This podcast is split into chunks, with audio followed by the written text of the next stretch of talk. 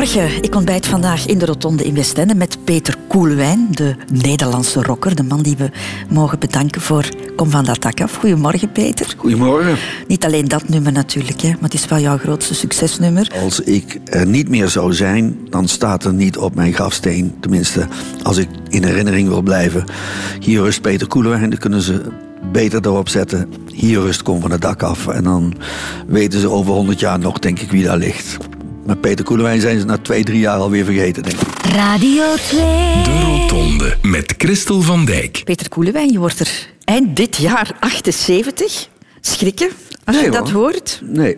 Ik heb daar geen, eh, geen, geen probleem mee, ouder te worden. Het, enige wat je hoopt is dat je fysiek gezond blijft. En voor de rest, eh, elk jaar eh, mag je gewoon, op mijn leeftijd zo langzamerhand, mag je een kaars branden, omdat je eh, er weer een, een jaar bijgeschreven hebt. We gaan eens even terugkijken, Peter, twee uur lang op alle beslissingen, alle keuzes, alle afslagen die jij genomen hebt. Hoe, hoe kijk je er zelf op terug?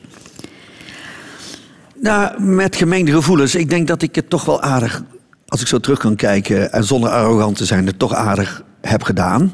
Ik heb zo'n beetje alles gedaan wat je maar kon doen in de muziek en ik ben er redelijk succesvol in geweest.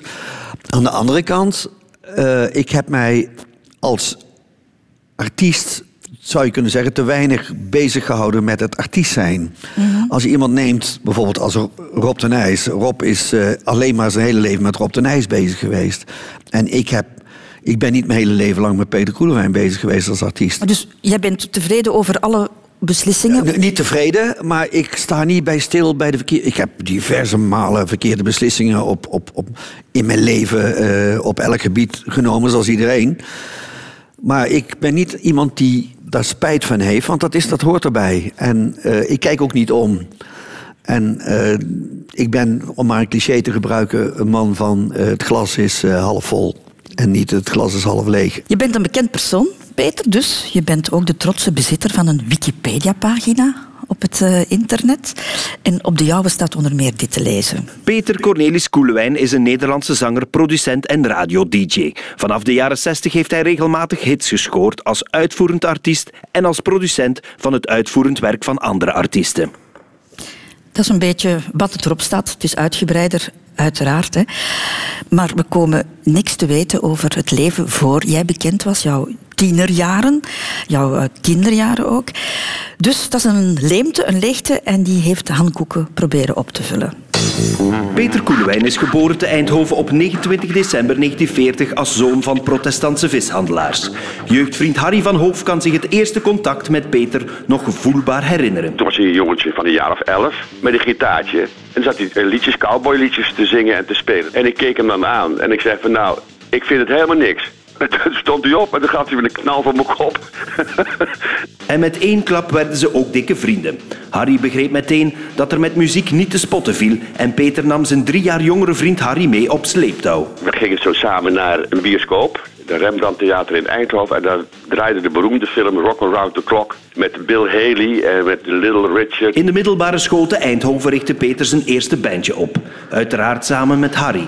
En het was roeien met de riemen die ze hadden, geeft Harry toe. In die periode, eh, als je dat vergelijkt met nu, qua techniek, ja, wij hadden niks. We hadden een oude radio en die bonden we dan op een autootje eh, om naar een repetitielokaal te rijden.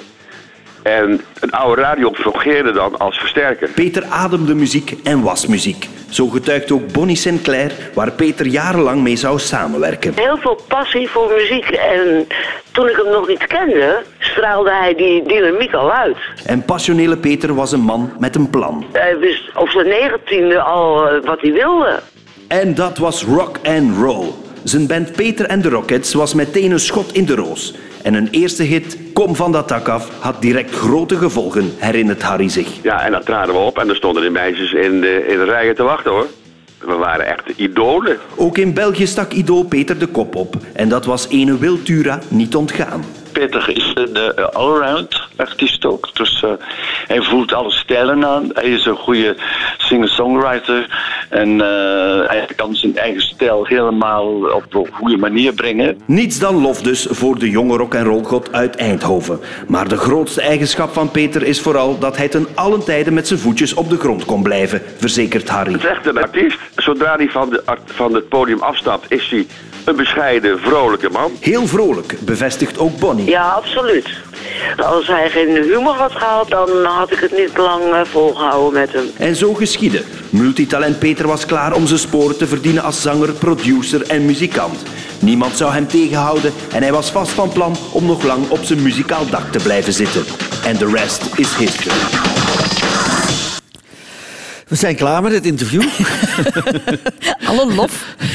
Het, door alles wat ik nou nog zeg kan tegen me gebruikt worden. Dus, uh, nou, ja, ik, ik zie dat toch een beetje anders. En ook wat Harry vertelt. En uh, het is uh, ietsjes anders, tenminste zoals ik het ervaren heb. Maar in grote lijnen komt het er allemaal wel zo op neer, ook wat Bonnie zegt. De eerste afslag in het leven is geboren worden kan je zelf niet kiezen, maar de plek en het gezin waarin dat gebeurt is natuurlijk, dat zijn de eerste startkansen die je krijgt in het leven. Hè. Je bent geboren in een gezin als jongste van vijf. Kan je het gezin eens beschrijven waarin je grootgebracht bent?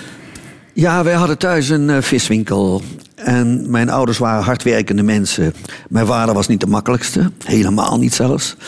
En uh, die was ook niet zo met mij, maar wel met mijn drie oudere broers regelmatig in een soort conflict toen ze ouder werden. En ik weet ook niet waarom dat nou eigenlijk was, maar dan kom ik misschien dat, dat, dat mijn vader altijd gelijk wilde hebben. En, en uh, om maar een voorbeeld te noemen, wij waren met z'n allen waren we voor de voetbalclub Eindhoven, EVV Eindhoven. Dus mijn vader niet, die was dan voor PSV, wat de grote concurrent toenertijd van, van uh, uh, Eindhoven was. En niet omdat hij nou zo'n PSV-fan was, maar altijd dwars zijn. Altijd van. Uh, daarom ook zijn uitdrukking van je schrijft leuke liedjes, maar, maar zing ze niet zelf. Of toen ik um, uiteindelijk Komen de Dak af dan had gemaakt en, en alle kranten schreven erover, behalve het parool. We hadden thuis het parool, uit een verzetskrant uit de oorlog. En uh, dus ik zei tegen mijn vader, nou, of ik liet hem die, die interviews in de kranten zien. En toen zei hij uh, zo laconiek tegen mij: Ja, maar het parool heeft er nog niks aan gedaan. Ja, dat was ook zo. Tot het parool ook een interview met mij deed. Een binnenpagina, een hele binnenpagina. Dus ik trots naar mijn vader: Kijk eens, het parool. Uh, en toen keek hij hem aan: Ja, maar het staat niet op de voorpagina. Kijk, zo kan je relativeren tot je een ons weegt, maar daar, daar word je. Dat is niet zo leuk. Nee, zo neem je gewoon ook iemand zijn zelfvertrouwen En, en zo zat die man nou een beetje in elkaar. Dus. Uh, als mijn vader een compliment gaf, dan vond ik dat geweldig. Nou moet ik nog even een, misschien een klein bommetje af laten gaan. Maar toen ik geboren werd, heette ik Peter Cornelis van Eeuwijk. En waarom was dat? Mijn vader was uh, getrouwd toen hij mijn moeder leerde kennen. Daar kwam iets uit voort. Uh, Jouw oudste broer? Mijn oudste broer. Mijn moeder raakte in verwachting. En mijn vader kon niet met mijn moeder daar blijven in de buurt uh, van Spakenburg, Beeldhoven, waar, waar zij toen de tijd daar woonde. Want dat was een, een heel uh, uh, gelovige streek. Dus dat was toch een schande. Toen zijn ze naar Eindhoven verhuisd. En daar werden dus uh, mijn oudste broer en mijn, mijn andere broers en uiteindelijk ik, ik ben de jongste van, van de vijf, geboren. En, maar mijn vader was nog getrouwd, dus die, wij kregen de naam van mijn moeder. Dat kwam ook omdat zijn eerste vrouw wilde ook niet scheiden. Dat kon uit geloofsovertuiging, kon dat dus niet. Tot een jaar of tig later, dat hoorde ik van later, veel later van mijn halfzus die moeder dat, dat, dat van, of die eerste vrouw dat dan wel deed, die, uh, dat, die, die wilde dan wel scheiden. En toen kregen wij de naam van mijn vader, Koelewijn. Maar de eerste jaren van mijn leven heb ik Peter Cornelis van Ewijk geheten.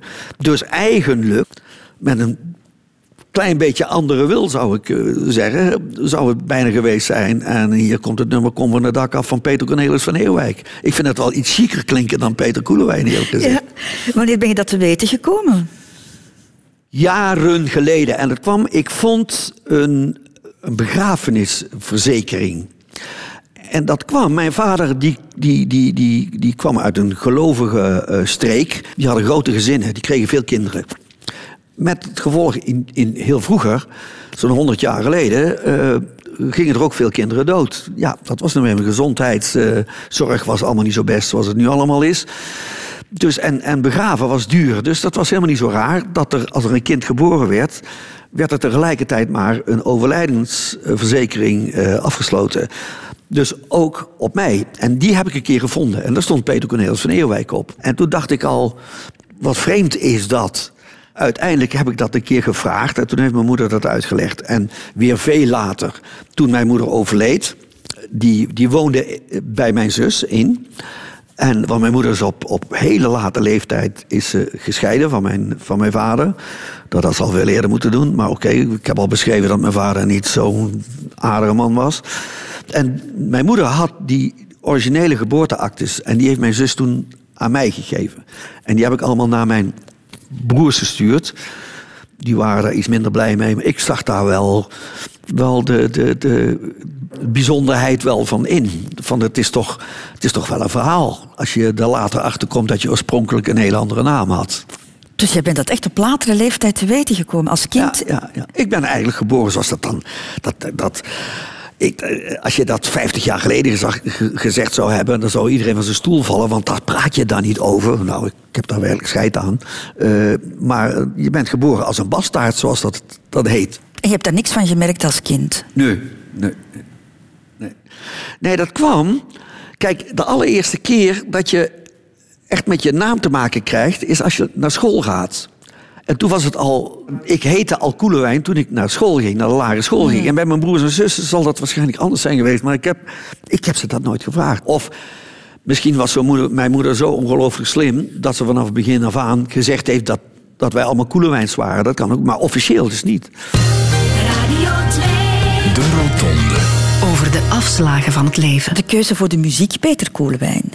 Is dat een keuze of is dat een roeping? Hoe moet ik dat omschrijven? Het is een mokerslag. Dat kwam. Ik, uh, ik moest vaak mee na schooltijd en vakanties meehelpen op de markt of mee venten met, met, met vis. En uh, één ding was zeker, ik moest studeren. Ik moest, uh, mijn, mijn, mijn broers zaten allemaal in de vis, maar ik moest verder op school. Ik kreeg er ook alle gelegenheid voor. En uh, op een gegeven moment stond ik met mijn vader en een, een, broer van me op de markt in Eindhoven, op de Woenselse markt. En ik hoorde in de. Op een gegeven moment hoorde ik muziek. Die, ik had dat nog nooit gehoord. Ik ging kijken waar dat vandaan kwam. En als een eindje verderop was er een kraampje. was een man en die verkocht platen. En hij draaide Long Tall Sally van Little Richard. Gonna tell I'm Harry about Uncle John. Hele ruige plaat voor die tijd. Dat was mijn eerste kennismaking met echt met rock and roll. En ik stond als aan de grond genageld bij dat kraampje, ging kijken. En uh, ik was volledig flabbergasted van die muziek. Van, van dat soort muziek. Tot ik een vlijmscherpe pijn aan mijn oor voelde. En mijn vader mij letterlijk aan mijn oren bij die kraam vandaan trok. En weer terug naar, naar, naar de viskraam. Maar daar had ik er wel voor over. En vanaf dat moment wist ik, maar dat ga ik ook doen.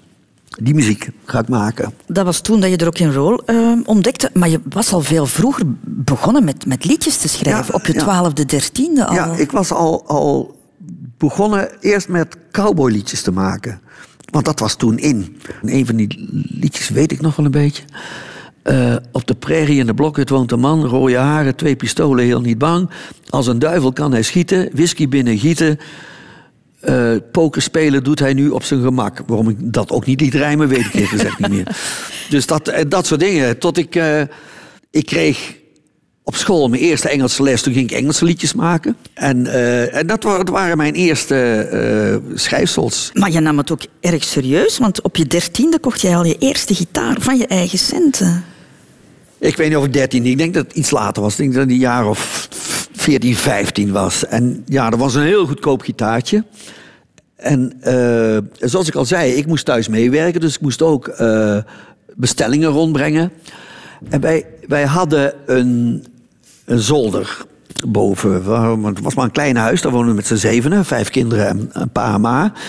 En eh, die zolder was eigenlijk een vliering. Maar daar had mijn vader een, een, een goede vloer opgelegd. Maar dat was een soort vliezotrap naar boven. Dat was allemaal maar krikkemikkig. Met een luik wat dicht kon. En om te zorgen dat als dat luik open stond... dat je niet naar beneden donderde... had het ook nog zo'n hekje eromheen gemaakt. En ik zat graag op die zolder met mijn gitaar om dan maar wat te kwelen. En zo ook op een dag dat eh, ik op zolder aan het kwelen was... en mijn moeder mij aan de trap beneden riep... omdat ik naar beneden moest komen om bestellingen rond te brengen. Maar op dat moment stond ook de winkel vol met mensen. Dus mijn moeder kon niet zomaar. Hè, dus die riep een paar keer. Die werd zo ongelooflijk boos, omdat ja, ik hoorde er helemaal niet. Hè. Ik stond huppakee, en, uh, liedjes te spelen. Rende mijn moeder de, twee de, de, trap op, de normale trap, de vliezo-trap op. En die rukte mijn gitaar uit mijn handen en die sloeg ze zo aan diggelen op, op dat hek wat rond, rond dat luik uh, was. En, en, zij, en, en nou, als ze zo de meter naar beneden, dus bestellingen uh, wegbrengen. Gitaar weg. Dat vond ik verschrikkelijk. En toen heeft mijn moeder uh, me een paar maanden later, was het uh, kerstmis. En, um, maar ik ben ook altijd rond die tijd jarig, 29 december. Dus voor mij was met kerstmis kreeg... Wij, de, wij deden op een gegeven moment niet meer aan Sint-Nicolaas met cadeautjes... maar dat deden we met kerstmis. Mm -hmm. En dat vond ik verschrikkelijk, want iedereen kreeg cadeautjes op kerstmis. Ik ook, maar ik kreeg niks meer op mijn verjaardag. Dus ik kreeg eigenlijk... Die anderen kregen twee keer per jaar wat, maar ik maar één keer per jaar. Omdat ik nou eenmaal op 29 december jarig was. Maar toen kreeg ik die kerstmis van mijn moeder een nieuwe gitaar met een elektrisch elementje erop. Je hebt wel wat moeten doen hè, om je wil door te drijven. Want ook jouw vader heeft zich enorm verzet tegen het feit dat jij muziek maakte. Nou, nee, hij heeft zich niet zo verzet. Maar ze hebben wel altijd thuis, niet alleen mijn vader, maar uh, wel school afmaken. En dat ook later, toen ik Kom van de Dag af had opgenomen... toen kwam er een delegatie van de platenmaatschappij bij ons thuis... En, want die wilde graag dat ik gewoon 24 uur per dag bereikbaar zou zijn om platen op te nemen of wat dan ook. Want aan mij was natuurlijk een hoop geld te verdienen. En zij wilde eigenlijk dat ik van school afging. En ik weet nog dat mijn vader die mensen aankeek en zei: Maar wat zou u doen als het uw kind was? Ja, bedremmeld een beetje. Ja, zou u uw zoon dan ook van school, van school halen? Ja, toen moesten ze toch zeggen, nee, dat zouden we niet doen. Nou, precies, zei mijn vader, dat gaan we met Peter ook niet doen. Peter die gaat zijn eindexamen afmaken. En, uh, uh, en als hij dat niet haalt dit jaar... toen moest je nog 21 zijn om volwassen te zijn. Als je, -hmm. Voor je 21ste had je als kind niks te vertellen. Dan blijft hij tot zijn 21ste op welke school dan ook. Maar wij maken het uit, dus... Hij zei ook tegen mij van, nou, je, je kan doen en laten wat je wil. Dat moet je zelf weten, maar je kan nu, ik was toen 19, je kan nu die school afmaken. En daarna kan je doen wat je wil. Of je verzuimt, en, maar dan blijf je tot je 21ste op welke school. Wij zorg, maar je gaat niet de muziek in. En aangezien ze uh, de power hadden om het te doen, maakte ik maar de, als de bliksem dat ik die school afmaakte. En ik ben nog geslaagd zonder één onvoldoende. Jij wilde niet in de voetsporen van je vader treden. Hè? De viswinkel was aan jou nee, maar besteed. Dat, dat, wilde, dat wilde eigenlijk niemand thuis. Dat wilden mijn broers ook niet. Hè? We zaten... Daar, daar we maakten er altijd grappen over. Dan zaten we met z'n allen aan tafel. Die jongens die waren allemaal een stuk ouder dan ik. En ik kan me nog herinneren dat ze een keer ze zeiden van... Peter moet studeren. En die moet rechten gaan studeren. Die moet advocaat worden. Want die broers van mij wilden heel groot worden. En die wilde, en die maakt ook al grappen van elkaar. Nou, al gaat het niet goed schiks dan, maar kwaad schiks. En dan moeten we de wet overtreden. Maakt allemaal niks uit. Maar wij worden de grootste vishandelaren van Nederland. En dan zei Peter moet studeren. Die moet advocaat worden. En die moet zorgen dat wij uit de gevangenis blijven. maar mijn broers die gingen dan snel die vis in en, en deden de handelsavondschool. Dat moet om de bliksem niet meegevallen uh, zijn. Want die werkte overdag en s'avonds uh, huiswerk maken. Want die moesten toch uh, handelsdiploma's halen, want anders konden ze geen bedrijf beginnen. Dus uh, dat moet toch zwaar geweest zijn voor de jongens. Nou, een van mijn broers, Theo, die had zwaar astma. Die is heel veel naar vakantiekolonies gegaan. En die is naar Zwitserland gegaan om, om, voor, zijn, voor zijn astma. Die heb ik maar heel weinig gezien vroeger. Dus die, die, die jongens hebben het, hebben het veel zwaarder gehad dan ik. Vond je het voor jezelf ook belangrijk, Peter, om een diploma te halen? Ja, ik wilde eigenlijk toen, toen, toen het hele gebeuren met Kom van dak af begon, wilde ik eigenlijk ook van school af. Want ik denk van dit gaat nooit meer over. Niet realiserende dat alles eindig is natuurlijk. En ook het succes van Kom van het dak af. Maar gelukkig, mijn ouders die, die hielden voet bij stuk. En daar ben ik ze altijd dankbaar voor gebleven. Dat ze gezegd hebben, eerst die school afmaken. Want ik wilde, eigenlijk wilde ik het allerliefste journalist worden. En ik wist ook, je kan nooit bij een krant solliciteren zonder een, eh, een diploma van de middelbaar van, eh, van HBS. En toen ik ook de HBS had gehaald, heb ik ook gesolliciteerd bij het Eindhovens Dagblad.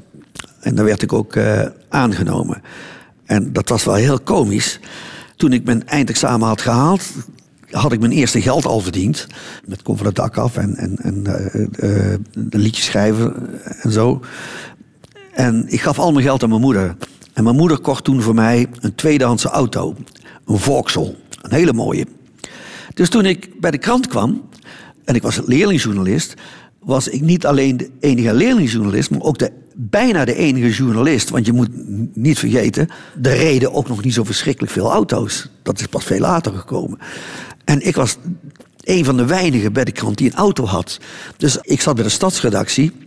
En als er ergens iets was gebeurd, een grote brand, was ik er. En er waren diverse kranten in Eindhoven. Er was een, een dependance van uh, het Vrije Volk en van uh, een krant die heette Oost-Brabant. En de Nieuw Eindhovense krant. Ja, diverse vestigingen. Maar ik was er altijd als in stond dat ik natuurlijk een auto had. Ja, dus ik had wat dat betreft wel een voorsprong.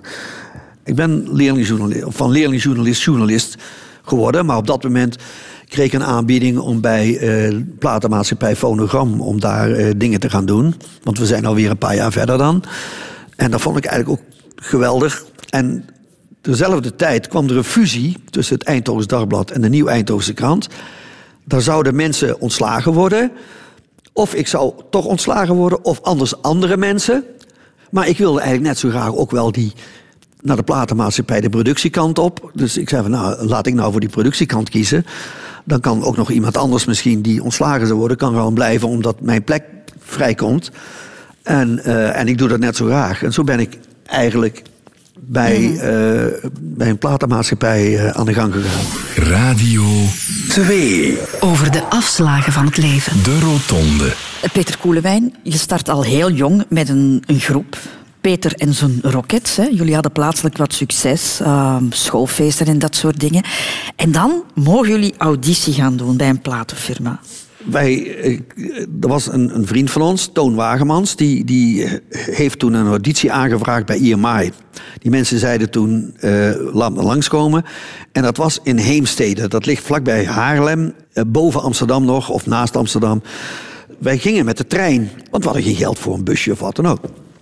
Met spullen, drumstel en uh, een paar vriendinnen mee om dat te dragen. Met de trein van Eindhoven naar Heemstede. En die trein stopte overal, dus dat was bijna een wereldreis. We waren bijna twee, tweeënhalf uur onderweg. En uh, toen zijn we van het station in Haarlem lopend door de stad. Dat was ook nog een kilometertje of drie. Naar die studio gegaan. Ik kan me nog herinneren dat toen we bij die studio aankwamen, dat was boven een groot kantoor. En alle mensen stonden voor het raam te kijken toen we aankwamen, van wat is dat voor een processie daar buiten? Ah ja, met drumstel in de ja, hand. Drumstel, versterkers, gitaren, met een paar van die meiden erbij die ook mee hielpen sjouwen. En, en zo zijn wij dus naar die studio gegaan. En we zouden twee liedjes doen. De hele stad is gek en dol en Jenny. Maar een paar dagen daarvoor had ik Kom het dak afgeschreven. En we zitten in die trein, tijd zat. Dus ik zei tegen de jongens, van, ik heb nog een liedje. Ja, laat me horen. En uh, dus ik speel dat voor op de gitaar. In, in de coupé zat met z'n allen. We hadden 2,5 uur de tijd, of drie uur de tijd om te, dat in te studeren. En het is zo'n simpel liedje, het is gewoon een blueschema. Dus dat hadden ze zo onder de knie. Dus to, toen wij daar aankwamen in die studio... zeiden ze, nou ja, laten we die twee liedjes maar opnemen. En toen zei ik, ja, maar we hebben er nog eentje bij. Ja, doe dat ook dan maar gelijkertijd.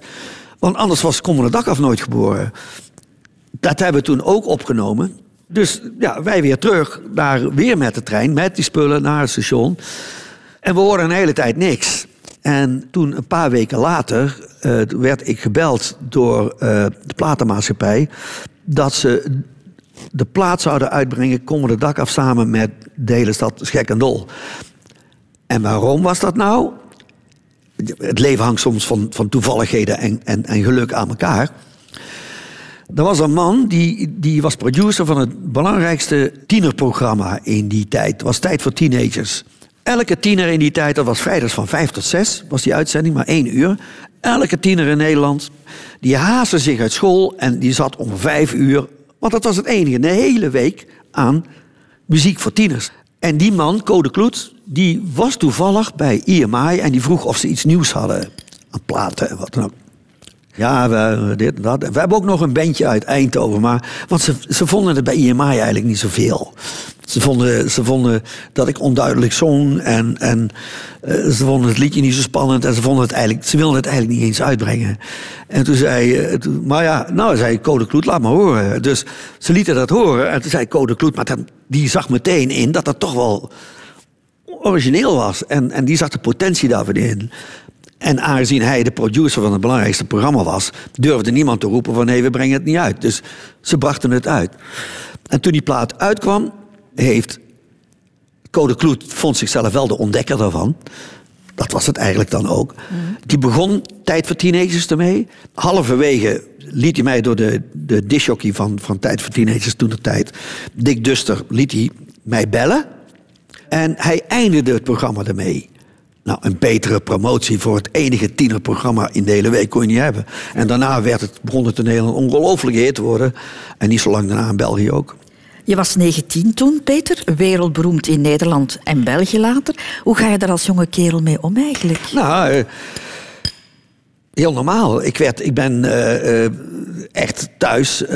doe maar gewoon, dan doe je gek genoeg. Ik kreeg geen kans om, om op welke manier dan ook me anders te voelen of te gedragen. Mijn vader uh, die schrijft leuke liedjes, maar zingt ze niet zelf. Mijn zus vond mijn manier van zingen helemaal niks. Tweede plaat was Marijke. En ik zei, oh Marijke, ik ben zo alleen. Werd een hele grote hit. En die zei tegen mij, waarom zing jij? Ik ben zo alleen. En waarom ging je heen? Dus, maar ja, het is net of je een spraakgebrek hebt. ik, die vond het helemaal niks. Dus ik werd rondom mij heen, werd er maar heel redelijk schamper over gedaan. Terwijl ik later hoorde dat mijn vader op de markt, als men vroeg van, uh, is dat uw zoon? Ja, dat, was ik. Maar thuis, naar mij dus helemaal niet op die manier. Dus ik werd redelijk uh, uh, down to earth gehouden. En eigenlijk ben ik daar later toch wel dankbaar voor gebleven. Want het is eigenlijk ook heel, het is gewoon normaal werk. Dat heb ik later des te meer begrepen op, als het, uh, want je, je maakt niet alleen succes, je maakt ook flops.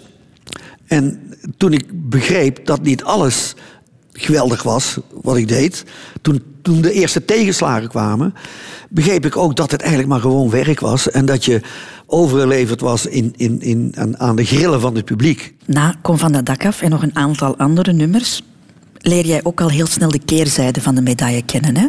Het grote succes maar het was ook plotseling gedaan. Ja, voor een korte of een redelijk korte tijd wel. En dat kwam eigenlijk omdat de platenindustrie was nog redelijk nieuw. En toen, toen ik daar in, in, stapte. En uh, omdat ik toch met dat komende dak al zo'n ongelooflijk grote hit. En daarna nog met nummers als Marijke en, en nog een paar andere dingen. Dat de, die mensen bij de platenmaatschappij alles goed vonden wat ik deed. Er was geen enkele vorm van kritiek.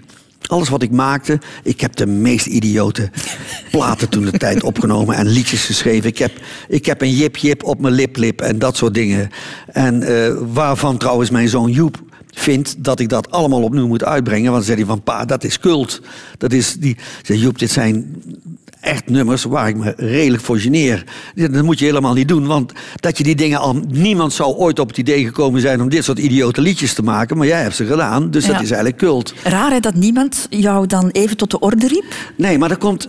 Die platenmaat, die platen maatschappij, die, die lui die er waren, waren die, die, die, die, die hadden ook geen verstand van zaken. Die waren opgegroeid met Malando en, en, en met ballroomorkesten. Maar die, dat soort, die echte popmuziek, daar had niemand ervaring in. En vond jij jezelf op dat ogenblik ook nog zo fantastisch dan?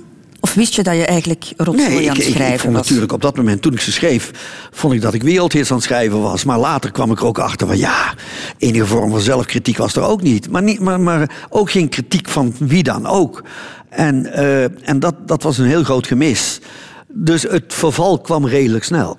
Na enkele en jaren. Toen ben ik me ook steeds meer gaan toeleggen op het schrijven voor anderen en het produceren met andere artiesten. Maar hoe kwam dat bij jou aan, Peter? Zo plotseling, na dat grote succes, het publiek dat jou op dat ogenblik niet meer wilde? Nou, dat gaat geleidelijk. Hè. Dat gaat, eh, laten we zeggen, dat gaat over een jaar, anderhalf jaar uitgesmeerd. Dan word je steeds minder. En eh, we bleven optreden. Op een gegeven moment heb ik ook de samenstelling van de band veranderd. We gingen sax meer erin. En, en Harry die ging andere dingen doen.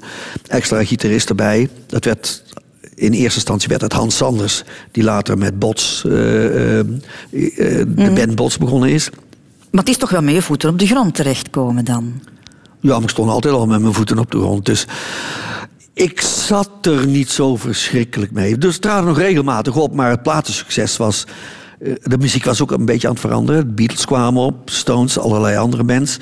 En eh, dus ik, eh, ik, maar ik zat daar niet zo mee. Ik ging ook andere dingen doen. Ja, dan ben je gaan schrijven en gaan produceren Ja, voor ja. een aantal grote hits. Hè. Ben gelukkig zonder jou van eh, Connie Dat van was den het Bos. eerste wat ik voor een ander schreef. Dus voor Connie van der Bos. En eh, nog een paar andere dingen. En eh, toen ging ik ook zelf produceren. En een van de eerste platen die ik met, produceerde met een andere artiest... dat was eh, Ronnie en de Ronnies. Met als eerste liedje Boem Boem Zo en daarna Beestjes. Ik kan geen kikker van de kant afduwen, mijn favoriet in de tijd. Was het Lowland Trio nog. Ja. Ook maar een beetje in die tijd. Ik Ja. Dr. Bernard van, van, van Bonnie Sinclair. Dat was weer later. Was toen later. ben ik begonnen met Bonnie Sinclair. Die, die, die ontdekte ik toen. En de, de, de, eerst ben ik met Bonnie Engelstalige dingen gaan doen. Een van de grote hits die, ze toen, die ik met haar gemaakt heb... is I Won't Stand Between Them. Dat is een van de, vind ik nog steeds, een van de betere, betere producties. Mhm. En ook een van de betere songs die ik, die ik gemaakt heb. Maar eerlijk gezegd, Peter, wie kent de producer of de tekstschrijver of de componist van een nummer? Nee, dat, maar dat is hè? altijd zo. Dat, dat, maar dat is ook helemaal niet zo erg. Die krijgen de, eh, geld uitgedrukt, eh, eh, krijgen die hun aandeel wel. En dat is nou eenmaal het lot tussen aanhalingstekens van een, so- een songwriter of een producer. Daar krijg je geen applaus voor, hè? Nee, er weten heel veel mensen. eh, Die weten ook niet van sommige produc- producties dat ik ze gedaan heb. Papier loopt er niet zo snel. Dan hebben ze, ja, als ik dan zeg, nou ja, eh, ik heb die tekst geschreven en ik heb eh, de productie gedaan met Herman Verkeken. Oh, heb je dat ook gedaan? En eh Carolientje, Willeke Alberti. En, eh, dat, maar dat geeft ook helemaal niks. Nee? Dat, eh, Heb je dat applaus niet gemist in, in die Nee. periode? Nee. Nee, nee want dat is, ja, dat is gewoon werk. Ik heb dat altijd ook wel weten te relativeren. Dat eh, succes, ja, het is succes. Ik heb een keer eh, in, in een song vandaag, ik geloof, ik heb niet, ik denk dat ik niet lang meer te leven heb, geloof ik in de song. Vandaag was ik weer de beste en morgen is het weer mis. Ja, en dat is het natuurlijk in, in de muziekbusiness. Heb je het altijd zo beschouwd, ja? Ja, ja. Ik heb ook altijd tegen artiesten gezegd die ik deed. Ik heb ze op een paar dingen gewezen. Ten eerste, als ik een, een nummer 1 hit met ze scoorde, heb ik altijd gezegd: reken erop, dit blijft niet zo. Dat is nu. Hoe het over een paar jaar is, moeten we nog maar afwachten. Handel daarna, ook financieel.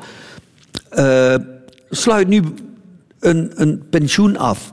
Of als ze kinderen kregen, sluit een, een studieverzekering af voor je kinderen. Nu heb je het geld ervoor en dadelijk misschien niet meer. En dan zeiden ze wel eens, ja, maar die zoon van mij die is één jaar oud. Ik zeg, nou, maar het gaat sneller dan je denkt. En dadelijk is hij 16 en dan is het misschien succes voorbij. En dan heb je het geld niet meer. En dan, maar als je dat nu doet, en je hoeft later niet dat geld te gebruiken voor een studie als hij dat, eh, als hij dat niet wil. Dan kan je voor mij pas voor een appartementje of zo. Maar hou de, ga dat nu doen. Ja, en sommigen hebben dat gedaan, en, en, maar de meeste niet. Want die leefden van de ene dag de andere. En, en de meeste artiesten. En met het idee van dit gaat nooit over. Nou, ik had inmiddels wel geleerd dat dat altijd over kon zijn. Ik heb zelfs een keer of drie, vier in mijn leven meegemaakt... dat het dan weer minder werd als artiest zijnde. En dan, maar ik had dan weer het geluk, dan ging ik weer wat anders doen. Dan ging ik... eh, Maar dat het succes heel, heel betrekkelijk is, dat, eh, dat wist ik al redelijk snel. Ja, je bent er heel rationeel mee omgegaan dan, ook financieel. Je hebt altijd gezorgd dat je Ja. een appeltje voor de dorst had. Ja, ja ik heb altijd. eh, ik ben niet dat ik gierig ben of zo, maar wel geen extravagante uitgaven gedaan en zo. Dus eh, dat heb ik altijd wel redelijk goed in de hand gehad. En tot op de dag van vandaag. Heb je de goede keuze gemaakt, Peter, om ehm, zoveel voor andere artiesten te werken? Te schrijven, te Nou ja, produceren? Dat is nou net de, de, de tweespalt. Eh, Ik heb niet genoeg uit mijn artiest zijn gehaald, omdat ik te veel bezig was. Zoals ik al zei, Rob de Nijs is altijd maar Rob de Nijs bezig geweest... en Wiltura is altijd maar Wiltura bezig geweest. En ik ben niet altijd met Peter Koelerwijn bezig geweest. Ik ben heel veel met anderen. Maar aan de andere kant heeft dat ook gemaakt... dat er in tijden dat het minder ging... ik heel makkelijk kon overleven.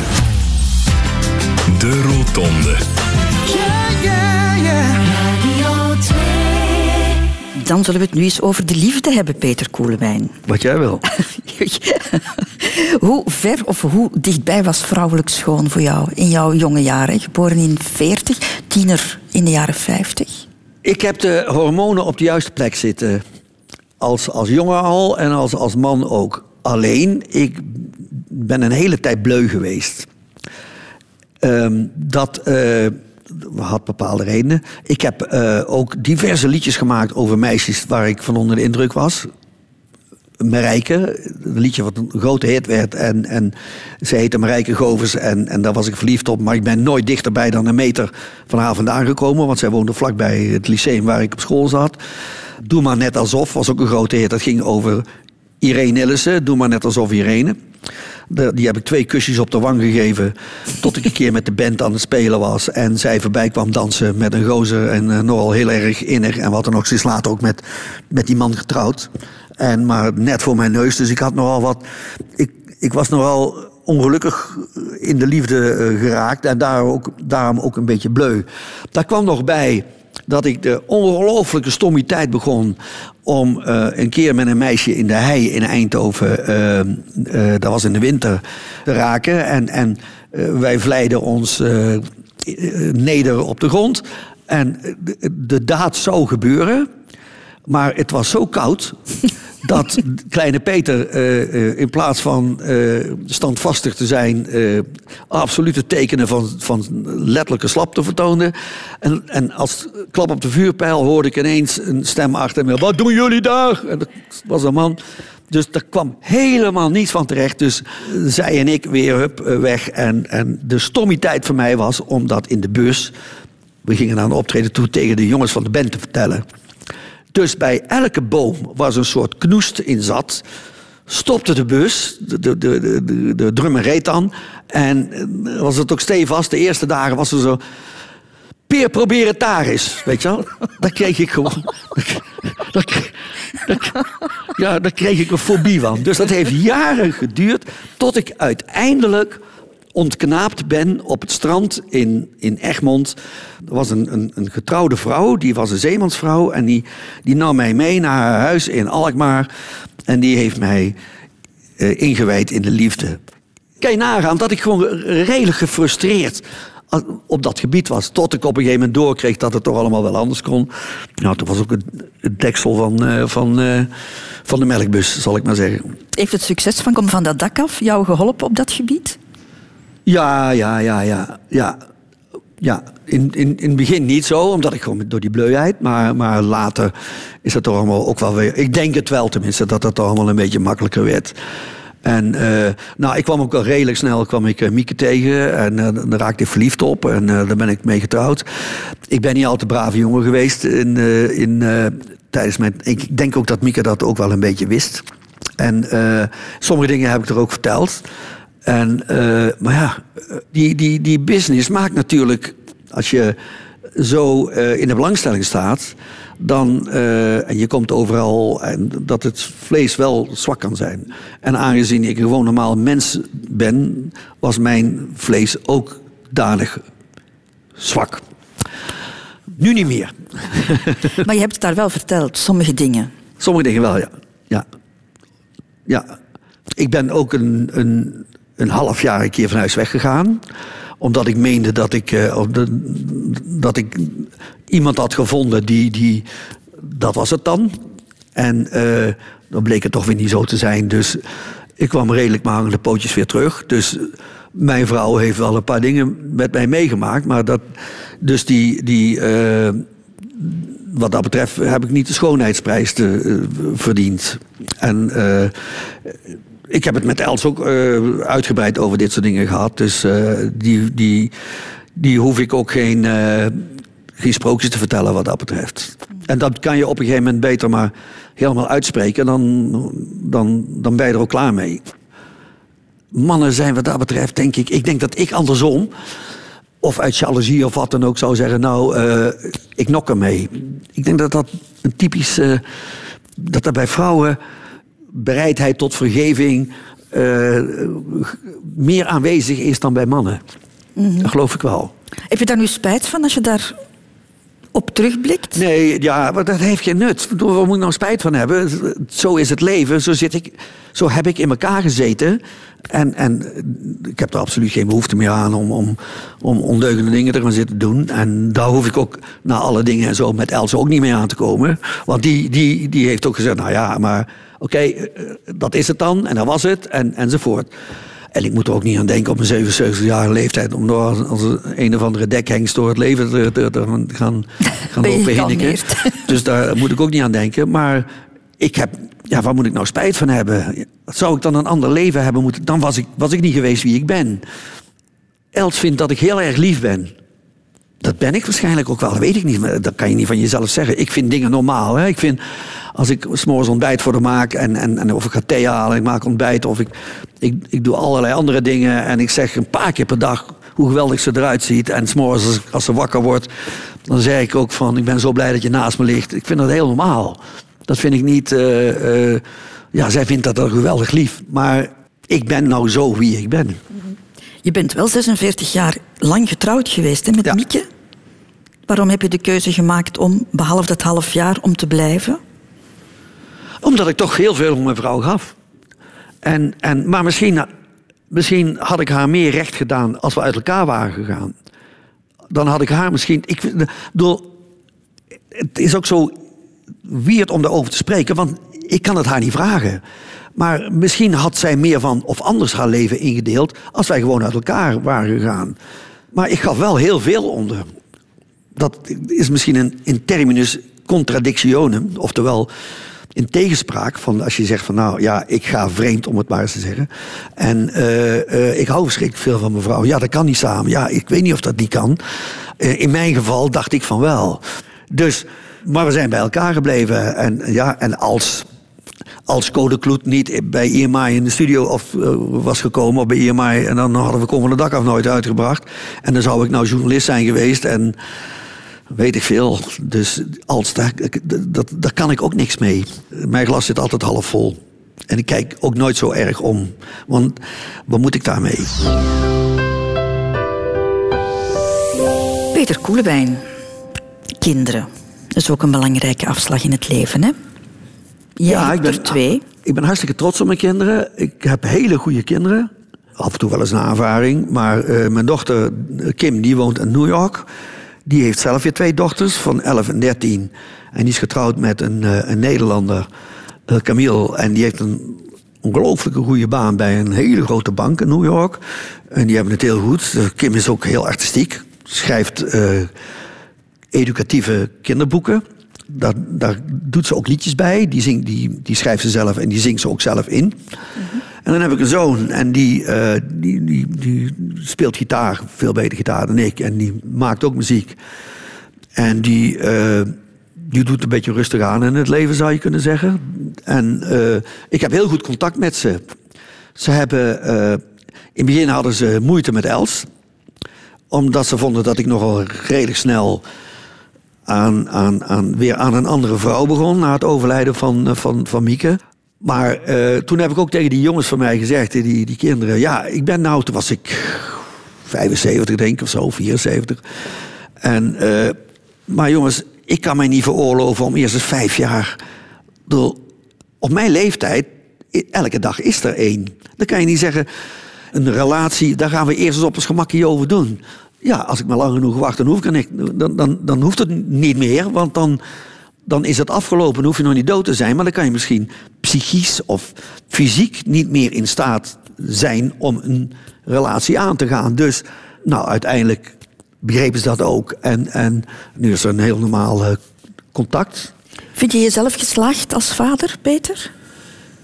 Nou ja, ik, vind, ik denk dat zij misschien wel zeggen van ja, ik vind zelf van niet. Omdat ik natuurlijk door mijn, het maken van carrière heel veel niet thuis ben geweest. En, en ik heb me wel met ze bemoeid, maar ik was er vaak niet.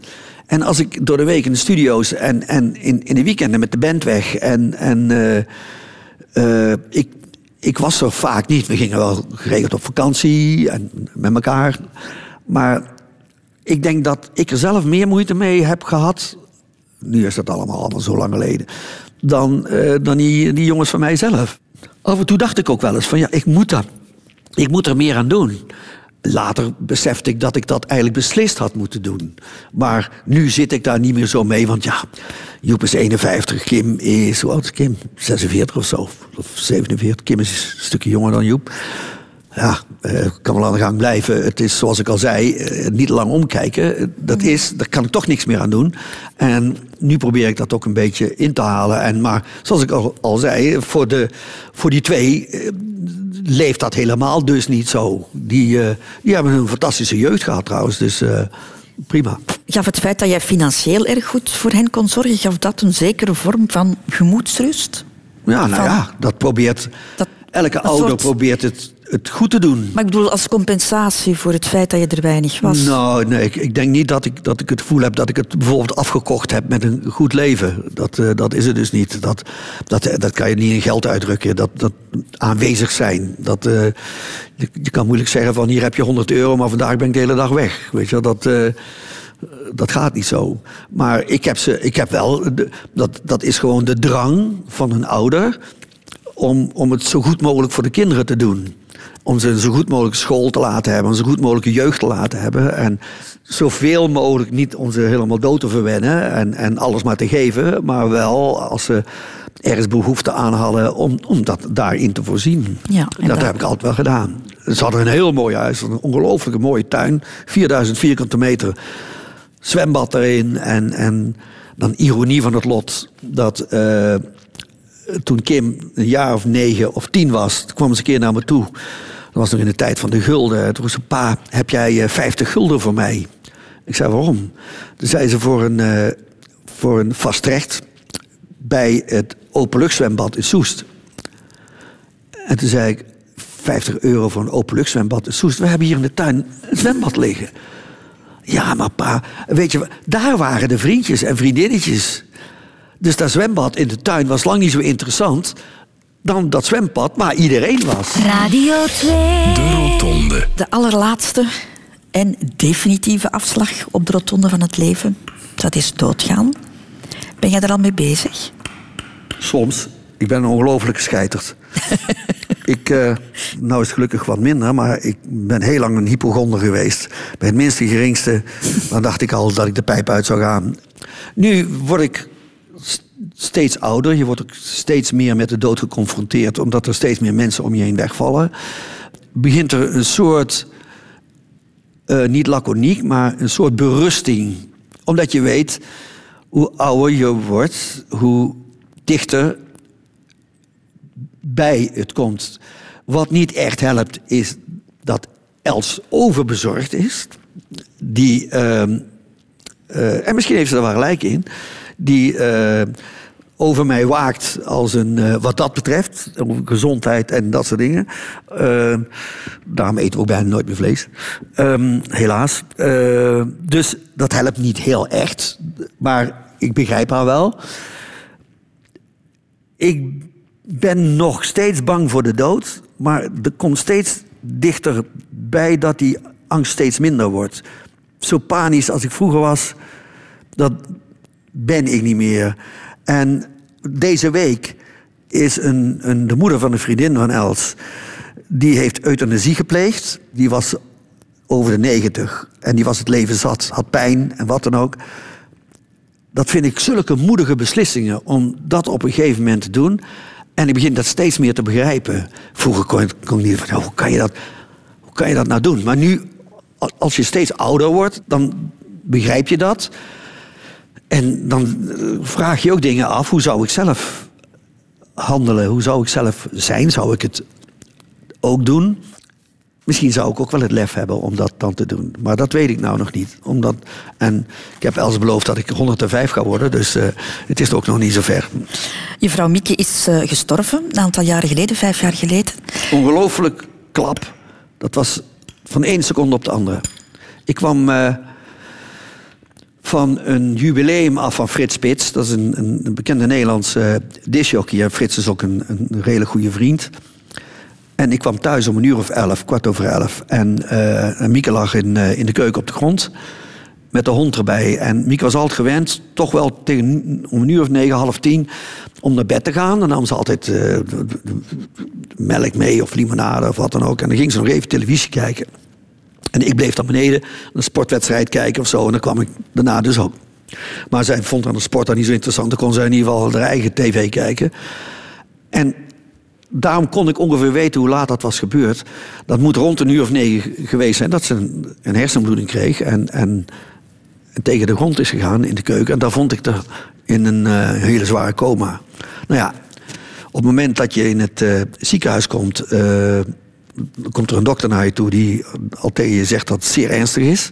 En dat, ze, dat je er rekening mee moet houden dat ze nooit meer, mocht ze eruit komen, nooit meer degene is die ze was. Een dag later, dus ik heb meteen Joep gebeld en die kwam ook naar het ziekenhuis toe, dat was in Utrecht. Kim gebeld, die moest uit New York komen. Het gebeurde op maandagavond en Kim die kwam morgens aan, want ja, die moest in New York eerst dingen regelen en daarna als de bliksem met vliegtuig naar, naar, naar Nederland toe. En op een gegeven moment, uh, het, het, het frappante was dat op de woensdag dat Kim kwam, net of het iets beter werd. En we weer hoop kregen van nou, misschien pakt het nog goed uit. Maar pal daarna ging het heel snel bergafwaarts. En in die periode, dat is ook zo weird, maar ik, ik begrijp dat ook wel. Dan komen er al doktoren of psychologen of welke mensen zich daar ook mee bezighouden, die komen naar jou toe of naar de nabestaanden toe om te vragen. Uh, ten eerste of Mieke een, een, een donorcodiciel had, dat had ze niet. Of ze konden praten over als het einde er was, wat er met de organen zou gaan gebeuren. Want dan moeten de nabestaanden daar een beslissing over nemen. Je kan niet zeggen, daar staat mijn hoofd niet na, komt u maar terug, als, mocht het, want dan is het al te laat. Die, moet, die, die beslissing moet er zijn als zo iemand nog leeft. Op het moment dat zo iemand sterft, moet er gelijk ingegrepen worden, want dat kan geen dag wachten, want dan, dan mm. kan je er niks meer mee. Hoe lullig het ook klinkt. Dus je moet ten tijde van dat proces moet je dat soort dingen ten eerste al wordt er besproken met jou. Dan moet je het bespreken met je kinderen. Uh, nou, al heel snel waren we het erover eens. We moeten het er samen alle drie over eens zijn, wat, wat er ook beslist wordt. Als we dat niet doen, krijgen we er later een probleem mee. Dan zal de een later altijd de andere verwijten. Ja, maar ik was er op tegen. Dan gaat het knagen. Dus Joep wilde er helemaal niet eens over praten. En gelukkig, Kim, die was daar redelijk. Ja, je kan niet nuchter zijn, maar die was daar redelijk reëel in, laat ik zo zeggen. Die heeft uh, met Joep erover gesproken en hem over, over de streep gehaald, zou ik kunnen zeggen. Kim zei ook op een gegeven moment, en dat was ook zo. We waren in een intensive care kamer waar Mieke en allerlei slangetjes en, en toeters en bellen lag. En die werd gewoon kunstmatig in leven gehouden. En Kim zei van Joep, ze is er al niet meer kijk nou goed, je ziet aan gezicht, maar is er al niet meer. En mocht ze, één ding wisten we zeker, dat had ze dat soort gesprekken heb je wel eens met elkaar. Van ja, ik wil nooit van zo lang zijn leven als een kastplantje in een stoel en wat dan ook zitten. Nou, dat had Mieke vaak genoeg gezegd. Ik mm -hmm. ook niet trouwens hoor. En, uh, dus dat wisten we zeker.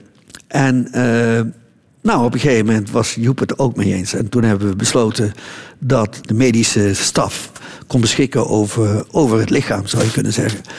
Toen vroegen ze ook nog of we wilden weten wat er mee was gebeurd. Ik zei, nou, ik hoef het niet te weten.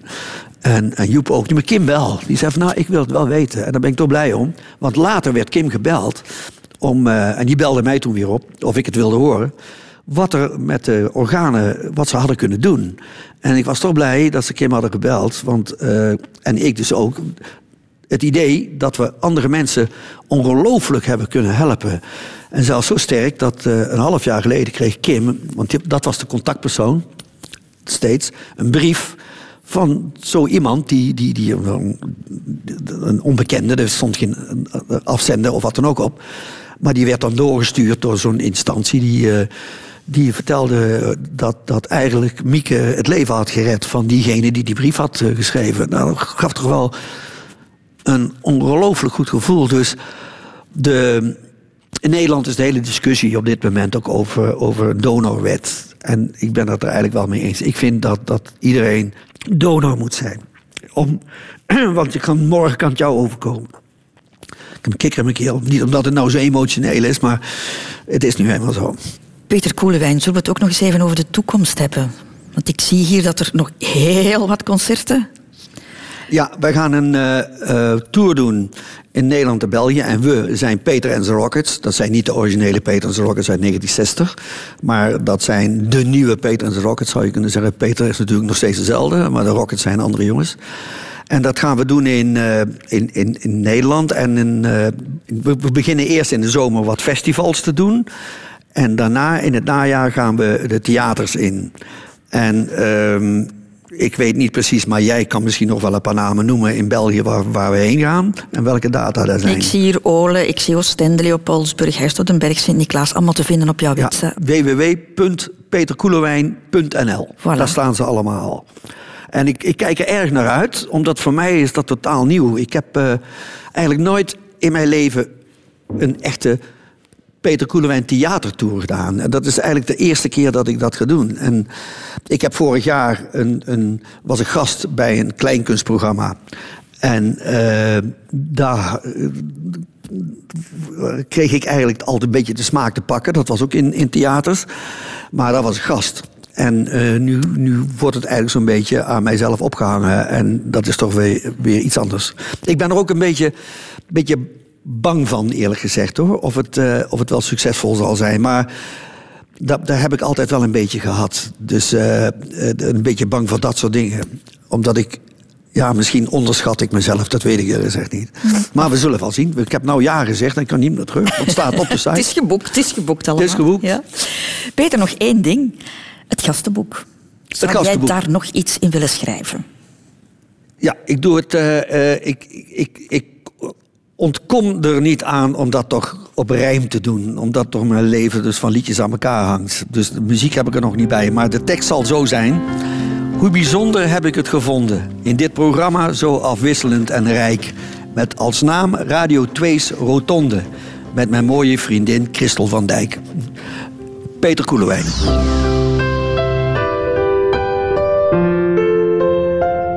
Radio.